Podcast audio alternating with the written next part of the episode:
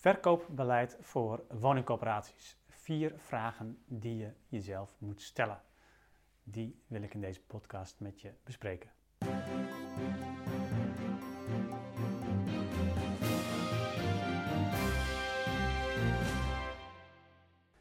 Een eerste belangrijke vraag, omdat die eigenlijk ook overal in doorwerkt, is de vraag vanuit welk perspectief ga je woningen verkopen? Is dat vooral vanuit het financiële perspectief? Je hebt gewoon middelen nodig om elders te kunnen uh, investeren of überhaupt om je kaststroom op orde te krijgen.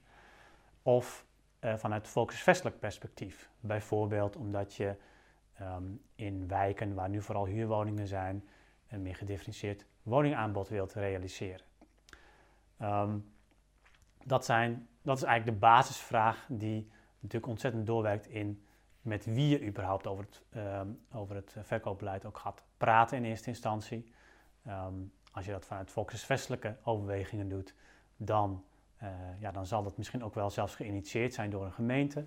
Terwijl wanneer je dat vanuit uh, financiële motieven doet, dan zul je misschien ook wel met de toezichthouders eerst om tafel moeten om te kijken of dat dan voldoet in hun ogen. Dus dat is, dat is een eerste belangrijke vraag vanuit volksvestelijk perspectief of vanuit financieel perspectief. Het kan natuurlijk ook allebei, maar besef je wel dat, en dat is meteen een tweede vraag die je moet stellen, um, het betekent ook iets voor welke woningen je wilt verkopen. Dus vraag je jezelf ook dat af. Welke woningen wil je dan verkopen? En als je dat vanuit financieel perspectief bekijkt, dan zul je op andere woningen komen. En dan ga je natuurlijk kijken waar zit het meeste verdienpotentieel dan wanneer je dat uit volksvestelijke overwegingen doet. Want dan kijk je ja, bijvoorbeeld naar die wijk met overwegend coöperatiewoningen, om daarin te differentiëren of om andere volksvestelijke redenen. En dat zijn natuurlijk niet per se de woningen waar het meeste verdienpotentieel ook zit. Het zou natuurlijk mooi zijn als het overlapt, maar in heel veel gevallen is dat, uh, is dat niet of slechts ten dele zo. Dus dat is een tweede belangrijke vraag. Vervolgens een derde belangrijke vraag is welke vorm van verkoop wil je hanteren? Wil je um, de woningen verkopen en ze daarna ook nooit meer terugzien uh, en daar ook verder geen korting aan verbinden? Wil je bijvoorbeeld wel met een korting werken omdat je uh, bijvoorbeeld uh, met name starters op de woningmarkt wilt helpen die tegen reguliere prijzen geen woning kunnen kopen? En wil je ook wellicht nog woningen weer uh, als ze uh, weer op de markt komen, wil je dan ook het eerste recht hebben om ook weer de woningen te kunnen terugkopen. Of wil je zelfs een terugkoopgarantie bieden aan de koper van die woningen. Nou, dat zijn uh, allemaal verschillende vormen van, van, van verkopen. En daarbij hangt het er nogal van af, ook weer of je dat om volksvestelijke of financiële redenen doet, maar ook wat de aard van je werkgebied is en wat daarin past.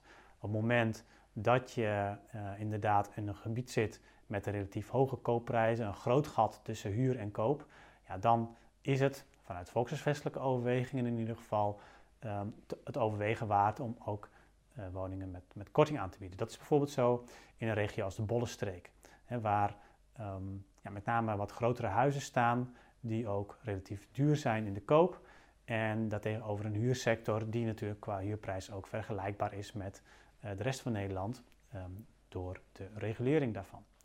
Daardoor ontstaat er een vrij groot gat en is het logisch om dat gat ook op te vullen met uh, koopwoningen die wat goedkoper zijn dan de reguliere koopwoningen. Um, zit je in een krimpgebied, dan is de situatie heel anders. Dan um, is het ook een, bijvoorbeeld een groter risico wat je zelf als coöperatie loopt wanneer je een terugkoopgarantie biedt aan uh, de koper. Aan de andere kant moet je je ook weer afvragen of het maatschappelijk wel uh, verstandig is om daar in een krimpgebied zomaar woningen te gaan verkopen.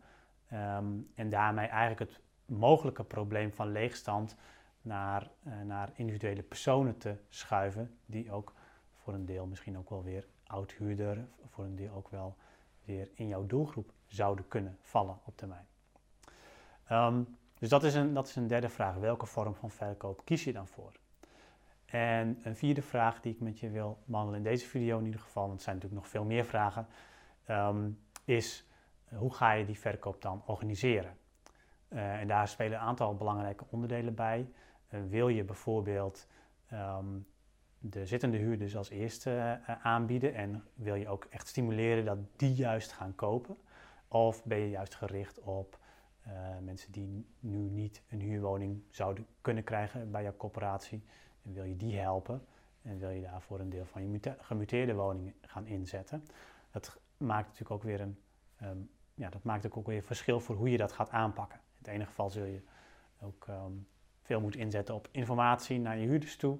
In het andere geval zul je een goed mutatieproces moeten hebben, waarbij je voor de woningen die daarvoor zijn aangewezen, zo snel mogelijk natuurlijk bij voorkeur na huuropzegging de woningverkoop klaar hebt en ook uh, kunt gaan verkopen.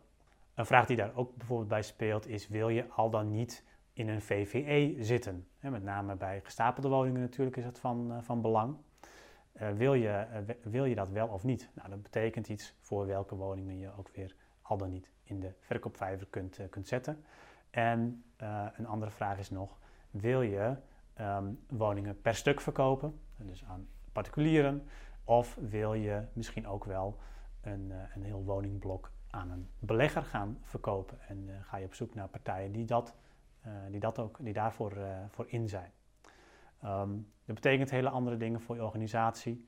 Als je natuurlijk een complex in één keer gaat verkopen, zal het veel meer in een, in een project gaan. terwijl je als je per stuk woningen verkoopt, ja, dan zul je daar een werkproces voor moeten organiseren. Wat gaat beginnen op het moment dat iemand zijn huur opzegt. Bedankt voor het luisteren naar deze podcast. Wil je nieuwe afleveringen ontvangen? Abonneer je dan op deze podcast. En kijk ook eens op onze website corporatiestratege.nl voor meer praktische tips en downloads die jouw werk als corporatiestratege makkelijker maken.